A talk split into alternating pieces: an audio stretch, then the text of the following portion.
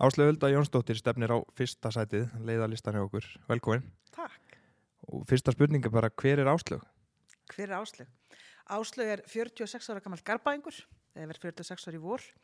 Ég er búin að alast upp í Garðabæ og uh, fór hér í gegnum skólakerfið og fór svo í FG. Uh, ég er gift Ága Svensinni sem við vorum saman í Bekk frá því við vorum 7 ára og unnum svo saman eftir uh, útskrift úr framhaldsskóla í, í Garðalundi og, og ég styrði svo vinnuskóla, Garðabæra sömurinn. Uh, ég á tvo, við erum tvo drengi sem eru að vera 17 og 19 ára núna í haust. Svo hefur eitt skrítin hund. Uh, ég er grunnskóla kennara ment og hef svo tekið hérna að fara í stjórnundanám í Viskitaháskóla ESE í Barcelona og hef verið í pólitík í rauninu bara síðan ég var 16 ára. Það skráði ég mig í huginn og tók þátt í SÚS og ég var varabæja fullur, fulltrú unga fólksins á, í sveitustjórnarkostningunum fyrir síðustu aldamót og síðan hef ég verið kostningastjóri og, og núna bæjarfulltrúi og formaði bæjar ás og hef tekið mjög virkan þátt hér á vettvangi sveitustjórnarmálana og, og svona bara hjá sjálfstafsflokknum og landsvísu og hef gert bralla ímislegt í atvinnulífinu. Þannig að næsta spurning er kannski bara heimskuleg. Hvers vegna býður þau fram? Ég held að ég bjóð mig fyrst og síðast fram og ástæðan kannski fyrir þessu pólitiska bröldi mín í alla þennan tíma er mér þykir bara svo vandum bæin okkar. Garðabær er alveg einstakt samfélag og e, það er frábært fólk sem byrja hérna og mikill mannöður og það er alveg samankortið sem að horfa til starfsfólksbæjarins eða öllu þessu fólki sem tekur þátt í hjá frálsu félagunum eða bara nágranninn á móti.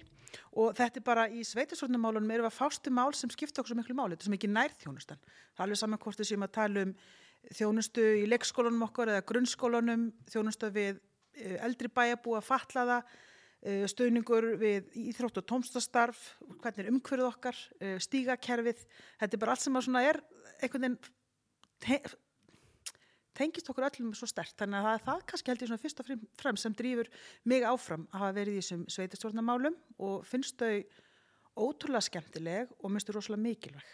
Þannig að það er kannski fyrst og síðast. Og svo núna eh, er Gunnar Einarsson bæjastjórn okkar sem hefur verið afskaplega farsall í störfum og, og er að hætta að þá fannst mér svona ég sem formaður bæjar á svo hef skipað fyrsta sæti á lista sjálfstæðarflokksins í síðustu kostningum og verið í fórustu sem ég kom hér inn uh, fyrir um áratug og þá fannst þetta eðlert framhald fyrir mig að ég myndi bjóða, mig fram til að leiða listan.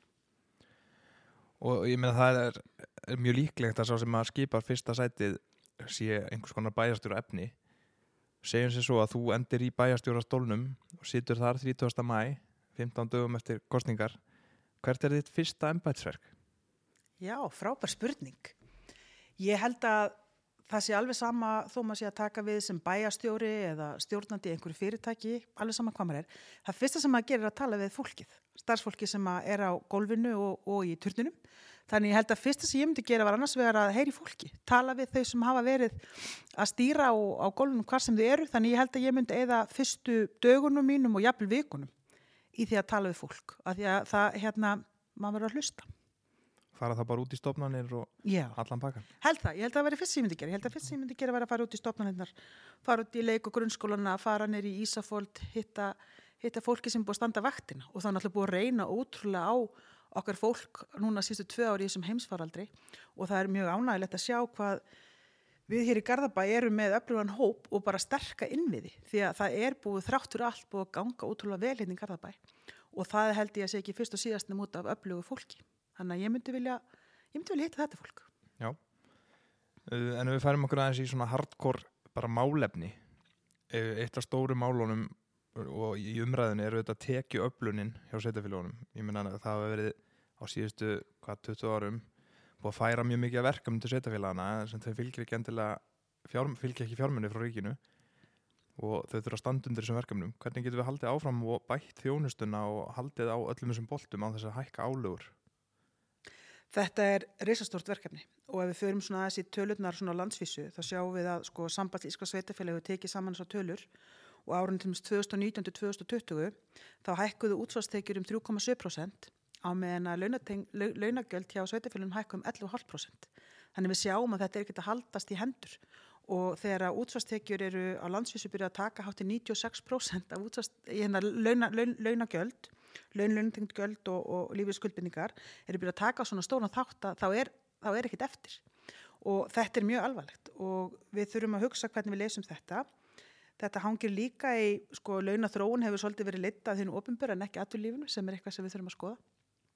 Um, þannig ég held að það er mjög margt sem þarf að gerast á bara sveitastjórnastíðinu heilt og við höfum verið að ta- tala um eins og kemur inn á að taka við stórum málaflokkum. Nýjasta dæmið er náttúrulega málefni fallast fólks og það er búið að tælja til að það vanti frá ríkinu nýju miljardar á ári frá ríkinu yfir til sveitafélag til að fylgja þessu eftir og bara hér í Garðabæ hefur Garðabæ bætt við uh, tæpum miljardar sístu þreymur árum bara inn í frá fallara sem er rosalega stór biti fyrir hérna rekstur sveitafélagsins og Garðabær.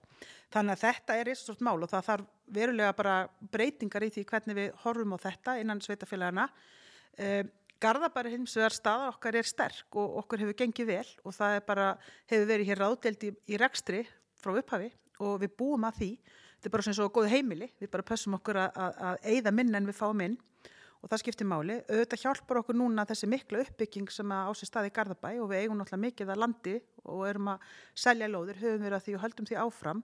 En það verður náttúrulega gæta þessi því að við séum að nota þessa tekjur til þess að byggja upp innviði og greiða skuld, skuldir en fara ekki einhver óráðsíðu að fara að eyða þessum, þessum tekjum sem við fáum að selja lóðir í reksturinn.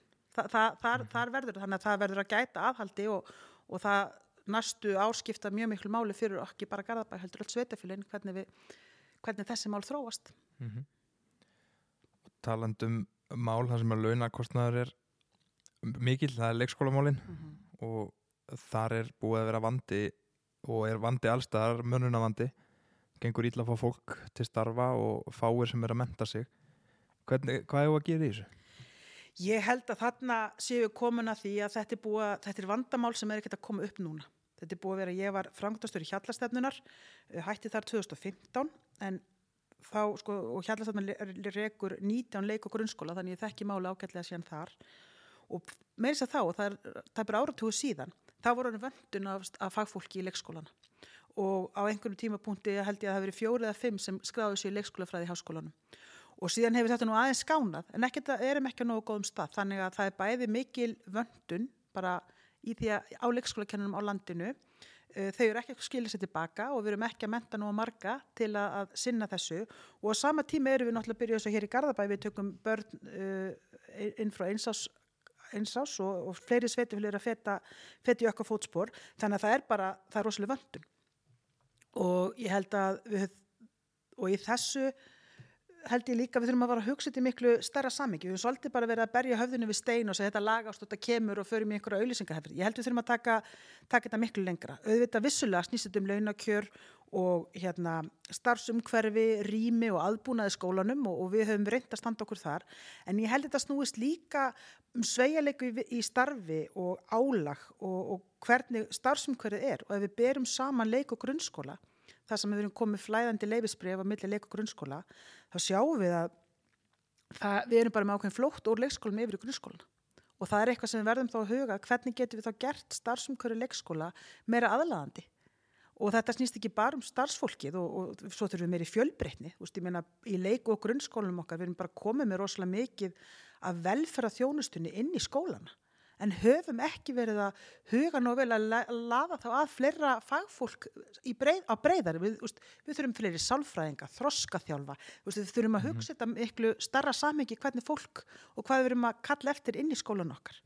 Þannig að ég held að það sé mjög margt sem við þurfum að gera í þessum leikskólamálum og ég segi Garðabær hefur verið fórustu í leikskólamálum hann á að verða áfram og ég held að ná enginn fórustunum að hafa bara kjarkin til að fara í svolítið kerfisbreytingar. Og leiðabildinguna? og leiða byltinguna, ég menn þetta er mikilvægt, þetta er fyrsta skólastíð, þetta er okkur öllum ótrúlega mikilvægt, en ég hef nú svona sagt sko, við, við getum hér haldið áfram að byggja upp húsnæði og, og hérna, við gerum ekkert án fólksins, það er engin framtíð án fólksins, þannig og þetta eru, svo erum við samhliða líka, við erum að taka börnin einsás, við erum líka með sína að streyta hefur rosalega alvarlega afleðingar fyrir þessi yngstu börn, streyta og álag þetta er ekki bara starfsfólkið. Þannig við þurfum líka að hugsa hvernig er starfsumhverju leikskóla og hvernig getum við gert það betur? Og þarna held ég að við þurfum að, að gera algjörar bara breyta þessu alveg nýri í kór, nýri kjarna. Já.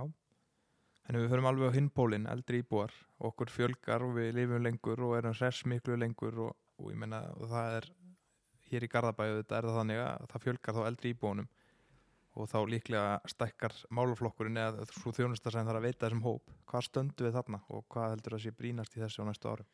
Sko það hefur náttúrulega orðið stórkostleg vitundarvakning bara um málefni eldri fólks og við sjáum líka, sko aldur segir ekkert til um líkamlega eða andlega heilsu eða reyfigetu eða minni, Vist, þetta er svo fjölbreyttur hópur og við sjáum bara hér í Garðabæ vel að það er ótrúlega öflutt starfið hérna og það, þau hafa mikil áhrif hér á fjölbreytt mannlíf, það eru gönguhópar og kaffihúsahópar og, og ótrúlegt starfi í sumba og skák og golfinu og þetta er alveg stórkostlegur hópur og, og maður sér bara kraftinnar Þannig að ég held að það sem margt við þurfum að gera. Við þurfum annars vegar að hérna, ebla uh, þetta íþrótta og tómstastarf sem er nú þegar en það þarf að gera, gera betur í því.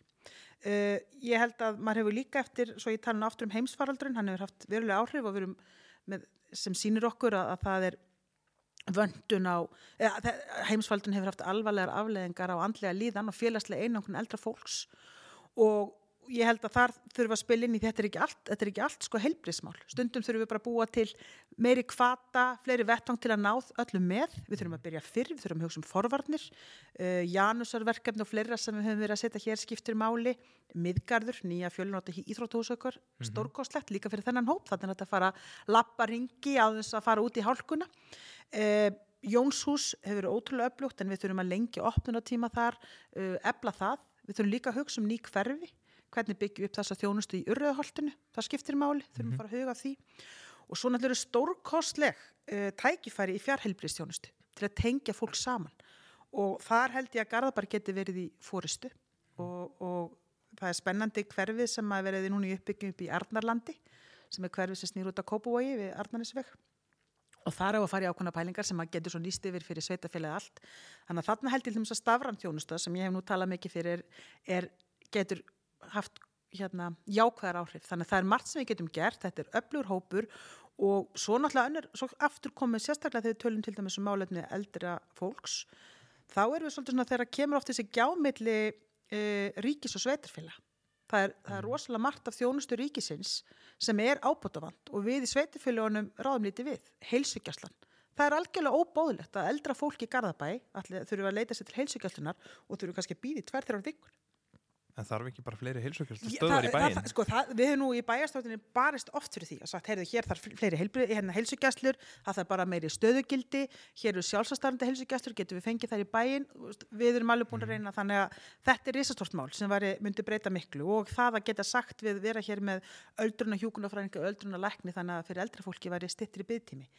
Málefni hjú, hjúkunarheimiluna þekkjum við öll, þetta er, þetta er risastort vandamál fólk uh, kemst ekki þar inn, við erum með fólk á spítalunum sem ætti að vera hjókunaheimili, við erum með fólk á heimilunum sem ætti að vera hjókunaheimili, við erum með falla einstaklinga á hjókunaheimili sem ætti að vera annars þar uh, heimaþjónustan uh, það eru mikil tækifæri þar að við viljum að fólk geti búið eins lengi heima hjá sér og það, og það vil en þá þurfum við náttúrulega að hafa valkosti bóði, ólíka valkosti mm -hmm. sem mhm. að hjálpa fólki til þess. Það skiptir líka máli varandi uppbygging og við höldum áforma að bjóða upp á um, ólíka valkosti í frambóði húsnæðis uh, lítil sérbíli hafa margir hérna talað um við mig sem segja, herði, nú viljum við fara að minga við okkur, það losar mm. um fyrir yngri bæjabúa sem eru konið með fjölskyld og vilja að stakka við sig uh, þjónustýbúðunar sem ég talaði með um ánum på Arnalandi, þannig að það er fullt af það er margt sem er í lagi en við þurfum að, við þurfum að, að gefa í. En ég menna, nú voru byggðar íbúðir eða raðhúsinnanir í unnagrunn til dæmis Er það ekki eitthvað verkefni sem mætti bara útværa á fleiri stöðum? Bara ótrúlega vel hefna hverfi, mikil ánægja þar hjá íbúum og, og frábært. Þannig við hefum að hugsa svona lausnum en við hefum ekki bara að hugsa það fyrir eldri bæjabú, við hefum líka að hugsa það fyrir yngra fólkið. Mm -hmm. Þannig að hérna, ég held að við þurfum þessa, þessa fjölbreytni og þessa valkosti, ekki spurning. Það var kannski gott að við færum okkur aðeins yfir í uh, umræðu um skipilasmál. Þau hafa svo verið ágættu horfi hér og, og, og það er svona að maður sér á teikniborðinu eru, er uppbygging það eru þetta ákveðin lægð núna í frambóði þar sem auðvitað er að klárast og næsta hverju er ekki komið á stað en, uh, en ég menna það er lóðaskortur á Íslandi er talað um og sérstaklega hérna á höfbruksvæðinu það er erfitt að það er lítið byggt og, og, og ég menna okkur fjölgar bara. Hvar stöndu við í þessu? Er nóg framöndan þurfum við að leggja áherslu á eitthvað annað heldur en það sem við erum þegar með á tekniborinu Svo ég taki nú fyrst og sitt hérna með hatt form á spærast. Þá hefur Garðabæ staðið sér mjög vel í þessu og frambóði hefur verið mikið hér og heldur áfram á mikil uppbygging og við erum uppbyggingu núna á Altanessinu, svo segir Urröðaholtið, Arnaland er að fara í gang, uh, Vífistæðalandið, þannig að það, það er margt í gangi. En þetta, en sveita, þetta er risastort máli á sveitafélunum og það, þau hafa ekki staðið sér öll nógu vel. Og það hefur áhrif þannig að til mis bara íbúverða höfuborgarsvæðinu hækka um 18% á síðast ári. 18% og fjölgunin var held ég 30% meiri á, á fólksfjölgun en, en áallinni gerður ráð fyrir. Og svo kom alls konar sérúræði vextir og fleira sem eru áhrifað þannig að eftirspurnin verður enn meiri og þeir að vanta frambóð og þá lendur við þessari stöðu sem erum núna sem er agaleg. Eh, en við þurfum, við munum bara halda áfram hér í Garðabæ, hér er, við eigum nóga landi, við erum búin að vera að útlita þessu síðustu árum og munum halda áfram og þá þurfum við myndið að tryggja að sé ólíka reyningar, þetta sé bæði fyrir, fyrir þá sem er að kaupa sína fyrstu íbúð, fyrir unga fjölskyldur sem þurfa að stækka við sig. Ég vil fá unga garbaðinga heim, við erum með garbaðinga sem hafa flust úr bænum og langar að koma heim. Eh, við tölum hér aðan um eldri bæjabúa, þannig við þurfum þessa fjölbreytni og, og, að, og það er eftirsoknavert að búa í garabæ og, og við þurfum þá að, að tryggja það að við reynum einhvern veginn að einhvern hluta að annað þessar eftirspurn. En ég menna í svona uppbyggingu samanber bara eins og urðuhaldi sem er núna klárast við hefum lendið ákveðin vandrað með innvið þar. Auðvitað kannski má skýra það einhverju leita því hverfið er farið uppbyggingu fyrir hrun og svo kemur ákveði stopp og, og það riðlast einhverju áallanir en hvernig, er, hvernig leysur svona mál, hvernig fórðust þið að lenda í svona einhvers, einhvers konar skekki með uppbyggingu á hverfum versus uppbyggingu á innviðum? Já, þetta er sko, við þurfum líka að fara að hugsa þegar við tölum um innviði. Innviði er ekki bara vegir og brýr félagslegir innviðir eru leikskólar og þessi grunn þjónusta sem við viljum bjóða upp á. Og urriðahaldið hefur náttúrulega veist, það, það gerist bara eitthvað sem enginn átti vona á. Það átti enginn vona á því að 70% íbúin hverfarsins er því 40 árað yngri. Nei, og, og að við erum svona yfirleitt með meðal, meðal í, í hverfið svona 4-6% séu leikskólabörn, þannig er 13% þannig að þetta er sprengja en það sem að kannski skiptir öllum máli við lærumötareynslinni og þurfum að vera bara meira samhliði í uppbyggingunni hvernig við gerum þetta. Uh, stóramáli er náttúrulega við erum bara með góða áallin og vorum fljóta breyðast við. Uh, það eru komnar hérna yfir að sitja, við erum komið mánakvól það er verið að byggja aðra lausa einingar í Urðuholti það er verið að undirbúa hérna, nýjan leikskóla átt, veist, þannig að við, erum, það, við náum að sinna þessu en við hefum kannski viljað gera þetta aðeins hraðar og með aðeins mhm. meiri fyrirvara fyrir íbúina en það breytir samt ekki vandi leikskólana að við getum byggt hús en við gerum ekkert án fólksins og okkur vandar fólk og það er það sem ég hef miklu meiri áhugjur af það er hvernig við gerum skólan okkar þannig að þetta verður eftirsóknarverðir vinnustæðir og við fáum gott fólk Þa, mm -hmm. það er, er mannöðurinn í leikskólanum og þetta er risastort vandamál ekki bara í Garðabæ heldur á landinu öllu og sérstaklega hér í höfbruksæðinu uh, Já næsta spurning.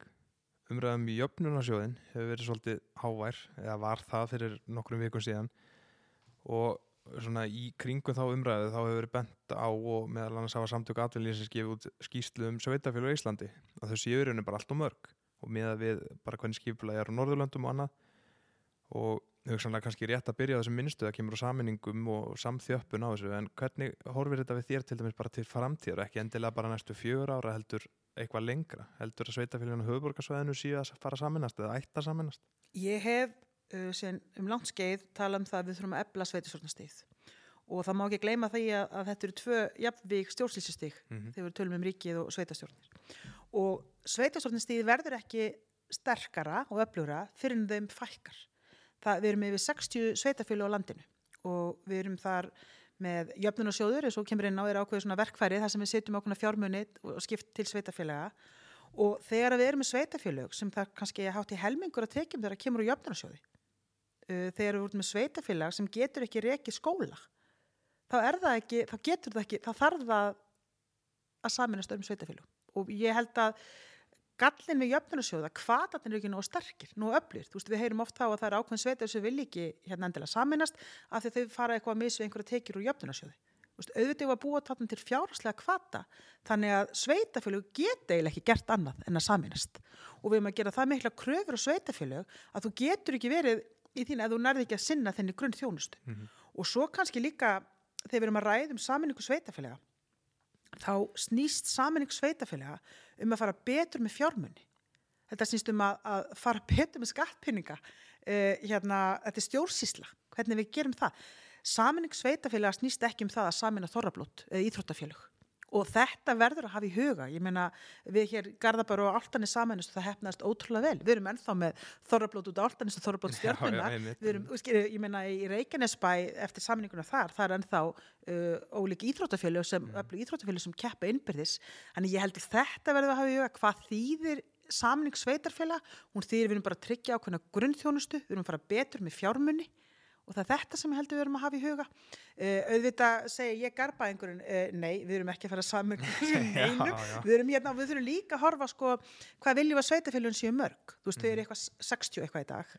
Um, Garðabær er, er með stæðstu sveitafélagum á landinu, við erum Mhm. yfir á, rúmlega 18.000 ég, ég held að við hefum alltaf verið með fleiri en sex sveitafélag í landinu sko, þannig að hérna og það er líka ákveð sem við sjáum bara við berum saman Garðabæ og Reykjavík sko, þú getur, þú ert komin í ákveðna hagraðingu, þú ert komin með sveitafélag yfir einhver ákveðni stærð, en þú ert líka komin í öfuganátt, þú ert komin með ómikla stærð. Þá ertu komin með ómikið millilu og getur og, og þegar að tala með Nærþjónustan. nærþjónustan og tilfinning sko, þannig að ég held að Garðabær sé á mjög góðum stað og ég held að það skiptir máli ekki bara við sjáum til dæmis bara hvað starfsfólki okkar er fljótt að bregðast við, það er auðvilt fyrir garbaðinga klukka og komið ábending og laga það eru stutta leiðir til okkar í, í, í hérna pólitíkin og ég held að þetta skiptir líka máli Mhm. að því við viljum smá þú veist, við viljum svolítið þessa nálað hún, hún, hún, ger, hún, er svo mikilvæg. Og ég segi bara líka fyrir okkur sem erum í pólitík það skiptir svo miklu máli fyrir mig að finna hvað fólk vil að því að þegar maður er í stjórnmálum þá snýst það um, sko maður er í ákveðnu þetta er bara þjónustuhlutverk. Mhm. það er bara þjónustuhlutverk og maður þarf að tryggja að vera bara búan til ákveðna ólíka valkosti fyrir íbúan ekki segja eitthvað ein leið og svo líka auðvitað líka ákveðn stefnumótun svona inn til framtíðar. Mm Við förum aðeins yfir í fjárfestingar. Nú erum við nýbúin að opna, þú nefndir það aðan miðgarð sem er gífurlega stórt hús, fjölnóta íþróttahús með eh, alls konar aðstöð og þetta kannski á eftir að skýrast betur hvað verður fleira þarna. Það er einhver óátekin rými eða ekki ennþá og bara ótrúlega tækifæri já. Uh, en ég menn þetta er stór fjárfesting og nú er þessu verkefni að ljúka að einhverju leiti og margir hafa talað um að næsta skrif fljóta að vera að við förum í einhverja uppbyggingu á menningarhúsi. Ertu sammála því mati, heldur að það sé á svona á sjóndeldarringnum og hvernig sér þið fyrir eitthvað skona þannig hús, einhverja staðsendingu eða starfsemi eða einhver svona, einhver, eitthvað svona masterplan? og masterplani því. Já, ég meina menningarlífi skiptir máli og, og blómlegt menningarlíf hefur ótrúlega áhrif á, á bæjarlífið okkar og það hafa nú verið e, bara sem var bara þverrpólitist í bæjarstjórn þar sem við vorum að hugsa um svona hvernig svona menningarhús geti litið út í Garðabæ og, og ég held að það sé mjög spennandi e, við þurfum náttúrulega auðvitað að hugsa sko hvað á að vera í slíku húsi og, og hvurlas fjármunum á að er eitthvað húsnæði sem við getum nýtt eða hvert, hvert, hvert tökum við þetta? E, þetta hangir með fleru, ég menna við erum með allt og langa bygglist í tónlistaskólanum okkar. Hvernig get, úst, getur þetta einhvern veginn farið saman þar? Við höfum lengi talað um ungmennahús og, og svona þetta hennan hóp krakkan okkur hvar þau geta verið að hittast og við erum hér frábært, frábær frjálsfélög, talum um hér um leiklistafélagi drauma, þú veist að við erum að tala um ólíka valkosti, þú veist þetta er mér, ég held að hafa verið hvað, 500 börn sem fara hann í gegn á sumrin sem að, þú veist að því við viljum, sko þegar ég er að tala um valkostin og pólitingina, þá viljum við viljum hafa hér öflutt íþrótta og tómstundalíf en það er, fjöl, það er fjölbreytt, við viljum að, úst, og við höfum verið hér til dæmis í Garðabæ á sumrin þegar ég var formar hérna menningar og safnanemndar settum við að lag- laggirnar kvartningarhóp fyrir ungt listafólk. Vist, þú, farið, þú getur líka farið í skipilagt hérna, sumastarf, skapandi sumastarf þannig við þurfum að hugsa þetta þegar við erum að setja fjármunni í eitthvað að það séu ólíkir valkostir, er alveg saman hvort þú áhuga á leiklist, tónlist myndlist, uh, garðirkju fótbolta, starffræði skák, Já, við höfum að hafa pláss fyrir þetta allt. Þannig að þegar ég tala um svona hérna, menningarhús þá er alls konar undir í því. Við höfum hérna með hönnunasafn Íslands. mm Mm. Út í heimi eru hönnunasafnin mest sóttu söfn af öllum öðrum söfnum. já, Og þannig eru gríðarlega tækifæri og Sigriður og þau í hönnunasafnin hafa gert ótrúlega flotta hluti og, og ég tala um hvað aðsókn hefur aukist í COVID og þau hafa líka tekið þess að herðu við ætlum að laða hér að börn og ungmenni Já. með stórkostlum árangri. Þannig að ég sé þarna eru gríðarlega tækifæri og þetta, þegar við tölum um menningarhús, það, það spilar líka með hvernig uppákomur og hvað það eru að bjóða í hérna til að krydda bæjarlífið okkar. Mm Það eru gríðarlega tækifæri á- hérna torkinu. Okkur vantar hérna matöll og okkur Já. vantar hérna að sitja hér langborð á sumrin og geta sittið og fengja okkur eitthvað gott að borða og við þurfum að sitja hérna skautasvall einhver starf. Þetta, þegar við tölum um menningarlífið þá er það svo alls konar og vissulega þurfum við að, að huga húsnæði og góður aðstöðu en svo þurfum við líka að hugsa um hvað getum við gert. Hvað getum við gert með hérna opnu svæðin okkar að vera með pop-up tónleika á laugadögum og sumrin og, og kaffivagn og vöflur við vífistavatt til að hvetja til hreyfingar. Hugsa þessi litlaðri. Þetta er ekki endilega dýrt þetta gerir okkur bæði bara, við erum að tryggja meiri félagsleiri nánd og samskipti og kannski smá súrunni lungun og smá hreyfingu. Er það ekki það sem við þurfum öll? og þá kannski fínt að næsta spurning svolítið einmitt um miðbæin okkar ég meina við erum hérna með Garatorgi sem hefur byggst upp á síðustu árum en það er ennþá eitthvað sem vandar í, í, á gamla torgi kannski og eitthvað uh, svona færa því eitthvað nýtt líf og kannski líka bara með þessa hverfa kjarna, við erum með Garatorgi en ég meina svo upp í Urðuholti er að byggjast upp á hverjum þjónustað, það eru komnir allavega tveir veitingastæðir og jókastúti og, og, og það er alls konar að koma þar og, og eins með stækkandi byggð út á Altanesi þá lítur að vera til einhver grundvöldu fyrir aukna nærþjónustu þar. Hvernig sér þú fyrir þessa kjarna og kannski samspilið eins og við Garatorg og framaldið á Garatorgi? Ég sé þetta bara sem stórkostli tækifæri. Og við sjáum sko, nú er þróunin hérna á Íslandi að verða svolítið bara og við séum löndunum í kringum okkur. Þú Veist, það er bara fólk fer að fara meira í sitt nær umhverfi og þú veist, ég er búin að vera mikið út í Barcelona, þú veist, það fer maður alltaf svolítið út fyrir bæinn, það sem að lókallin er og það eru bestu veitingastæðanir og mesta lífið. Já. og er að gerast hér. Og við sjáum bara það, hvað þessi uppbygging hér á Garðatorgi hefur haft mikil áhrif. Og, og hérna verslun gengur vel. E, það er erfi, að, mikil eftirspurnin eftir atvinnuhúsnaði hér og, og, og ég sé að Garðbængar líka bara þýstir í meira. Þannig að við höfum nú verið í bæjarstjórninu að tala um og setja á allun þannig að við getum lagað torgið hér til bæði hér nýja, nýja torgið og gamla torgið og, og það eru miklu möguleikar. Og við þurfum að hugsa um það hann að byggingareitu sem getur kannski eitthvað nýtt okkur til að, að auka og, þannig að, það eru margar hugmyndir í gangi og, og það sem er líka það eru ákveðin engaðilar, fleiri neitt sem eru mjög spenntir til að láta til sín taka. Þannig við þurfum að, að hugsa hvernig getum að því að það vantar ekki áhugan og hér getum við haft ennblómleiri miðbæ og síðan eru þetta frábært að sjá þegar maður fer upp í Uröðaholt og, og hérna Altaneskaffi og sér hvað er í gangi og svo kemur, þannig að þetta er bara, held ég bara þari. Bara tækifæri. Já. Já, við förum að aðeins svona í lokinni vera svona aðeins persónulegri nótuðunar. Nú erum við búin að heyra svona hvað þið finnst um hinn ímsu málefni en svo svona persónulegri hlutir eins og bara hvaða bóklastu síðast? Já, heyrðu, ég las bókina ekki verið svo mikill aumingi eftir að mánu. hérna, það er frábær bók og, og hérna, ég var lasa hann um jólinn og fór á þess að gluggi hann aftur núna ný, nýlega. Frábær bók og hérna Máni og ég vorum saman í grunnskóla og hérna hann alltaf, við gáttum alltaf raukrætt endalustu pólitík en alltaf samt eiginlega sammála þannig að við hefum ekki alveg sammála hvort að ég sé hérna vinstri maðurinn hann hægri maðurinn ég heldur þetta að hann sé Já. hægri maðurinn því hann fyrir í Garðabæ en hérna það, ég las þá bók síðast, frábær bók svo las ég líka hérna samhliða bók eftir hann Kamilu Einarsdóttur eh, ung, ung, ung, ungur rithöfundur þannig að þetta já, það, þessa bæ- bækur las ég síðast átti ég að segja eitthvað svona ég las hérna frelsið eftir Já, John munkurinn sem seldi sportbílinn sinn eða eitthvað. eitthvað svona, en ég las má- Máni var síðast bókinas Mána Mjög gott. Hvað er þinn svona happy place, hammingjustadur? Minn happy place er heima. Ég er ótrúlega heimikær, heimakær. Og, hérna, og þegar ég er svona hérna, ótrúlega glöð og allt er meira háttar þá bara vil ég fara heim og vil bara helst bjóða einhverjum heim og gera elda góða mat og bara hérna. Og svo þegar ég er líka ótrúlega þreytt og svolítið búin á því þá vil ég líka vera heima og bara svolítið kveikja kerti og fara í pottinn og hlaða. Þannig að happy place mitt er heima og happy place mitt er Garðabær. Mjög heppilegt að það Mjög vera svo leiðis.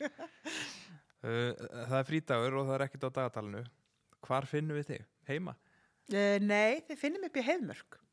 Ég fer eiginlega allar helgar með manninu mínum og hundinu mínu þegar ég næ honum út. Já. Þá fyrir við göngutúr upp í, í heiðmörk eða hér um bæinn. Uh, bara eiginlega all, allar helgar og finnst það aðeinslegt. En nema þegar það er svona kallt. Ég til dæmis fór í göngutúr í gerð með hundin minn og maðurinn minn. Hún var svo kallt að við þurftum að fara inn og lappa skilunum og heldum svo bara áfram einn. Hundinum eða manninum? Hundinum. Þannig að ég, finnir mig þegar það er svona ekkert að það þá finnir þið mig öruglega einhverstaðar í göngutúrum bæinn. Gott. Hvað færðu þeir í bræðarefin? Vá, ég fæ mér mjög sjaldan ís, en ef ég fæ mér bræðaref, þá fengi ég mér þrist, nikkas og jarðabir. En ég get borðað rosalega lítið magna af ís í einu og verð alltaf rosalega þyst, þannig ég er eiginlega umölugur svona ís. Mómenti, mér finnst það samt gott bara svona í mjög miklu hófi. Það var ekki ísbíltúra sem Áki notaði til að ná í Nei, þig. það hefði ekki, það hefði ekki gengið með mig. Nei. ég er ekki ískona. Svo er hérna bara loka spurningin, hver er uppáhalds söngleikurinn þinn? Upp á söngleikurum minn. Þarna kemur aftur ágjör skemmir því hann þólir ekki söngleiki, þannig ég er ekki mikið söngleikakona, en þegar ég var yngri, þegar ég var krakki. Er hann ekki tónlistamæður? Jú, en þú veist, þetta er svona eitthvað, ég held að sé smá í tónlistamönnum sem svona söngleikur sé ekki í þeirra, hérna, ég veit það ekki. En ég elskaði Cats þegar ég var yngri og þegar ég var úlingur og bara, veist, þá var það hárbrúsin, veist, hárlakkið eins og mikrafórn og söng ótrúlega hátt eitthvað með því og svo náttúrulega er maður miðaldra, hann er alltaf gaman af Mamma Mia. En Já. ég horfði samt bara fyrstu myndina því þetta var aðeins svo mikið fyrir mig. En, en þú veist, já, ég held samt ég segi Cats, sko, nema svo var, þetta ekki svo skemmt með einhverju umurlegri bíómynd. Hún fekk ekki góða dóma. Nei, ég horfði ekki svona á hana, en, en ég er bara að segja Cats. Cats. Herðu við endum á Cats. Á ég að taka lægi. Nei, ekki gera það. En kæra þakki fyrir komin á áslögu og gangið vel. ah, takk fyrir mig.